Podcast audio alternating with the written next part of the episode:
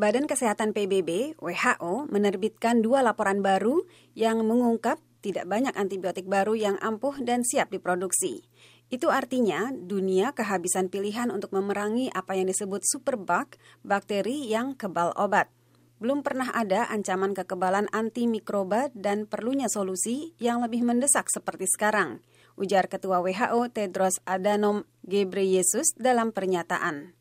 Sejumlah inisiatif dilakukan untuk mengurangi kekebalan, tetapi kami juga membutuhkan bantuan negara dan industri farmasi untuk terus menyediakan dana dan obat-obat baru yang inovatif, katanya. Kekebalan antibiotik terjadi ketika bakteri menjadi kebal obat yang ada, sehingga cedera ringan dan infeksi yang umum pun berpotensi mematikan. Diperkirakan 33 ribu orang meninggal di Eropa setiap tahun akibat bakteri yang kebal obat, menurut data Uni Eropa. Di Amerika, jumlah kematian itu diperkirakan sekitar 35 ribu.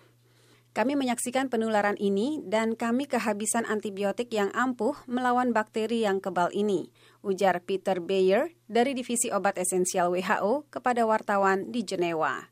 Ditemukan pada tahun 1920-an, antibiotik telah menyelamatkan puluhan juta nyawa dengan mengalahkan penyakit akibat bakteri seperti pneumonia, TBC, dan meningitis.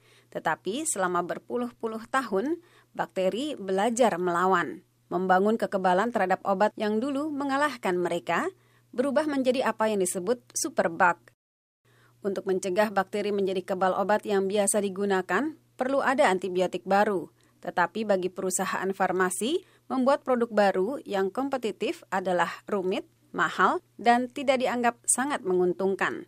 Menurut WHO, ke-60 produk baru yang saat ini sedang dibuat, 50 antibiotika dan 10 biologik menghadirkan sedikit manfaat dibandingkan obat yang ada. Dan hanya dua yang menarget bakteri yang kebal dan paling kritis, yang disebut bakteri gram negatif.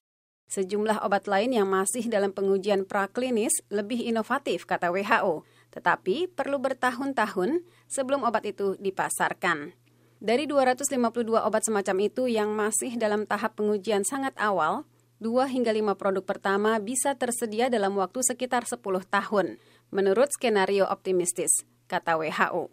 Sangat penting untuk memfokuskan investasi publik dan swasta pada pembuatan obat yang ampuh melawan bakteri yang sangat kebal itu, ujar Hanan Balki, Asisten Direktur Jenderal WHO untuk kekebalan antimikroba dalam pernyataan itu. Kita tidak punya banyak pilihan katanya. Demikian info sains dan kesehatan, saya Karlina Amkas, salam.